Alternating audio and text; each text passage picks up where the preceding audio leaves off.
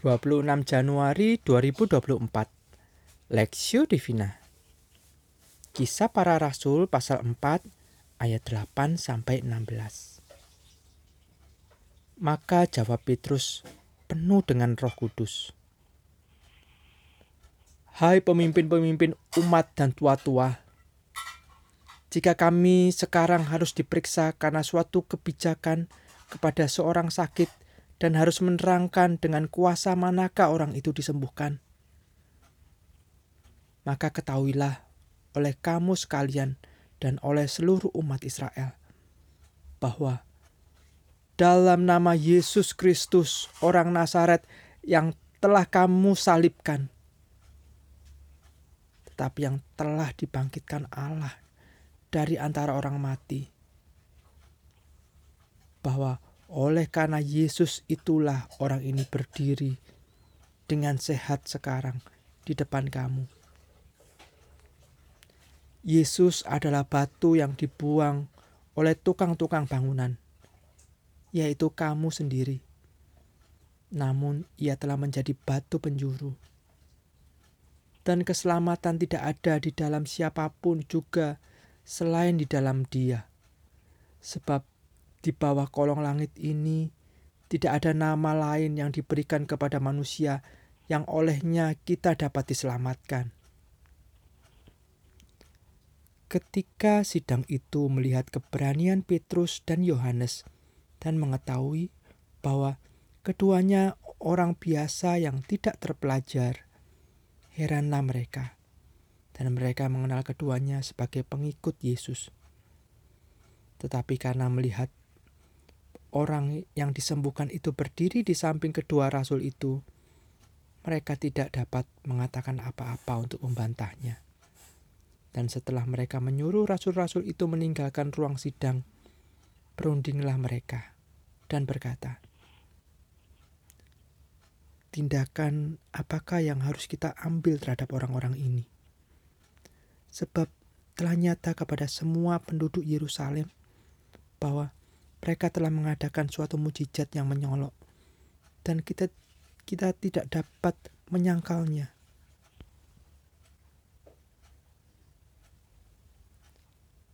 Mana yang lebih penting perspektif?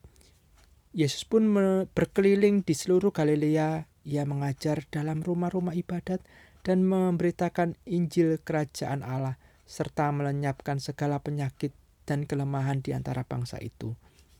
Matius pasal 4 ayat 23. Seorang pengemis duduk di lantai di samping pintu keluar sebuah toko roti. Dia melihat ada seorang keluar dari mobil mewah dan masuk ke toko roti dengan berpakaian mewah. Pengemis itu pun melihat kalung salib di leher orang kaya. Setelah belanja beberapa roti, orang kaya itu keluar dan dengan sikap pengemis itu berkata, Pak, bolehkah saya minta sedekah?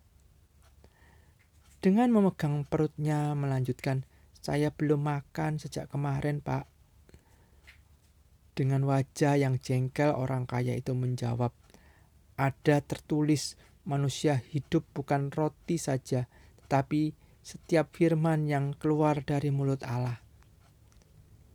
Kisah ini mengingatkan bahwa benar setiap orang membutuhkan berita Injil, tetapi bukan hanya itu saja.